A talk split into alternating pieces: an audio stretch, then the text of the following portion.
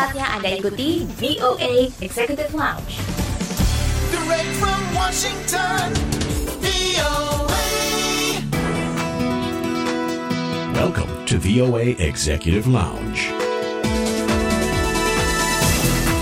Dari Washington DC, Irfan Isan kembali menemani Anda dalam VOA Executive Lounge.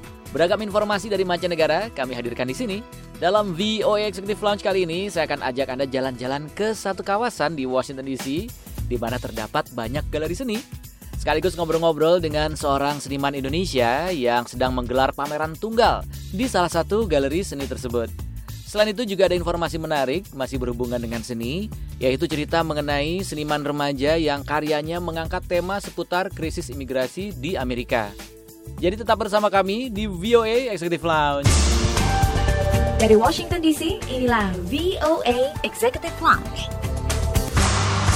VOA Executive Lounge, sebelum kita temui seorang seniman lukis Indonesia yang sedang menggelar pameran tunggal di Washington DC, sekarang kita akan temui dulu Lea Johannes dengan informasi menarik berikut ini.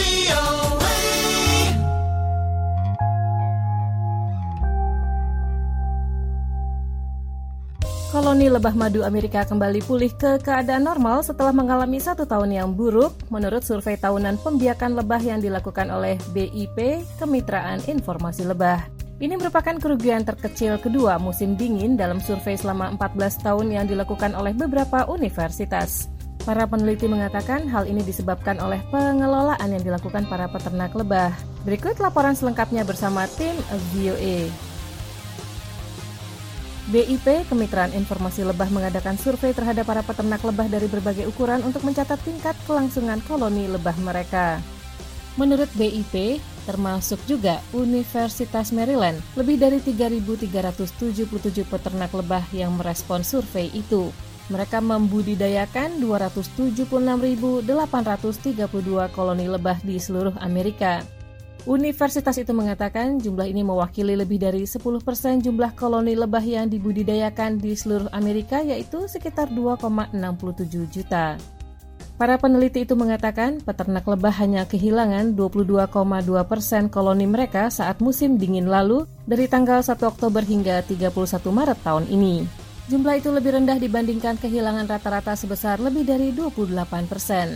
Dr. Natalie Steihoyer, peneliti di Universitas Maryland dan koordinator sains di BIP mengatakan, The reason why colonies uh, can die are very multiple, and that's the that is. Ada banyak alasan mengapa koloni lebah dapat mati, dan sayangnya realitas kesehatan lebah madu yang kompleks mengundang banyak penyebab yang mempengaruhi kesehatan lebah.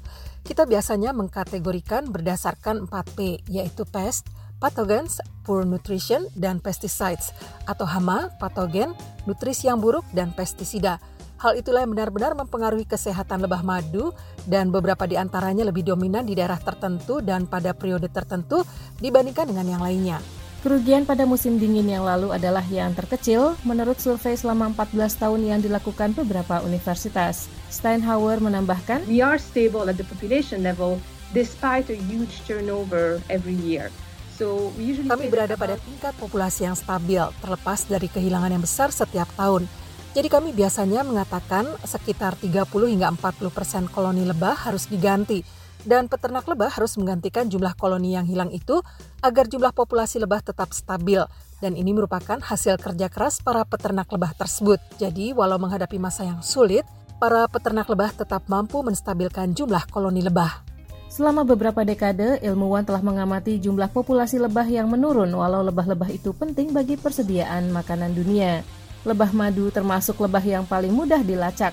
Keberadaannya terancam oleh berbagai sebab, di antaranya kutu, penyakit, pestisida, dan kurangnya makanan. Sekian info sains dan kesehatan Lea Johannes, VOA Washington.